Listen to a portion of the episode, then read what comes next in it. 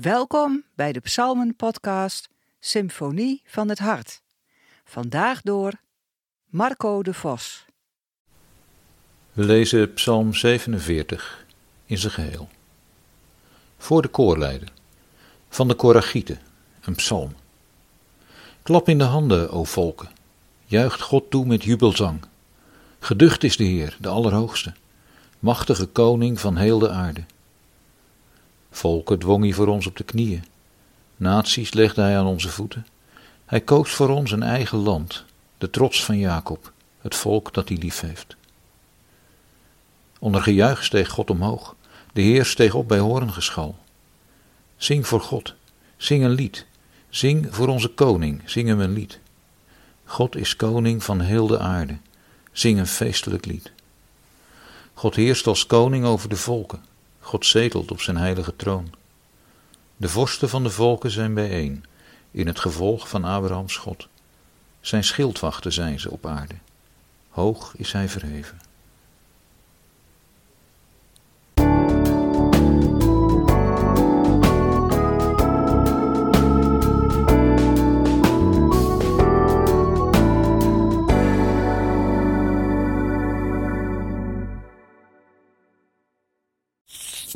Wie ben jij om te bepalen wanneer ik naar kantoor moet komen?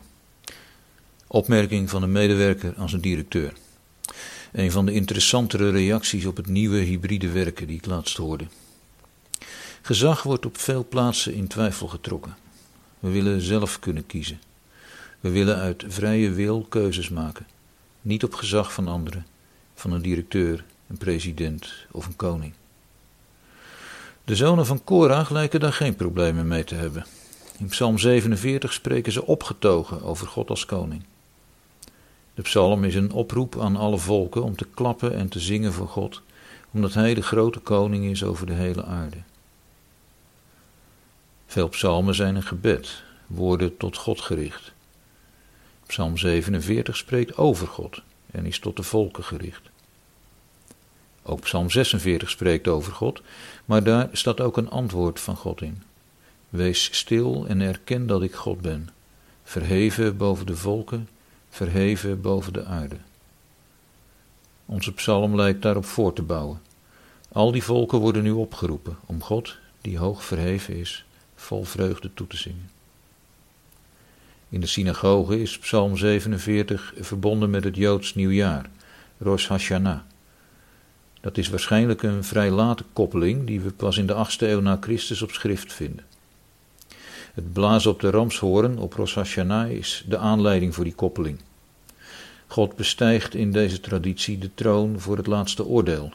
Rosh Hashanah is ook een feest van bezinning. Toch lijkt dat niet de kern van deze psalm te zijn. Wat steeds weer terugkomt is de vreugde, omdat God koning is. Niet alleen over Israël, maar over alle volken, over heel de aarde. Die vreugde lijkt samen te hangen met vers 4. God kiest het erfdeel voor zijn volk, het stuk land dat hen toebehoort. Het zou wel eens zo kunnen zijn dat deze psalm het meest diep beleefd is tijdens de ballingschap.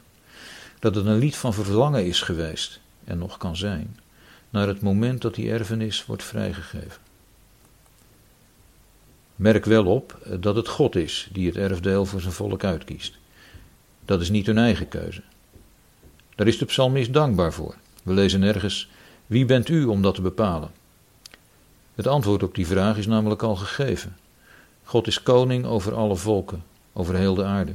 Hij heeft alle recht om dat te bepalen. Wat blijft is het verlangen dat hij de troon bestijgt, dat hij de vorsten van de volken om zich heen verzamelt. Een oud-Joodse vertaling heeft het in dat laatste vers niet over vorsten, maar over vrijwilligers.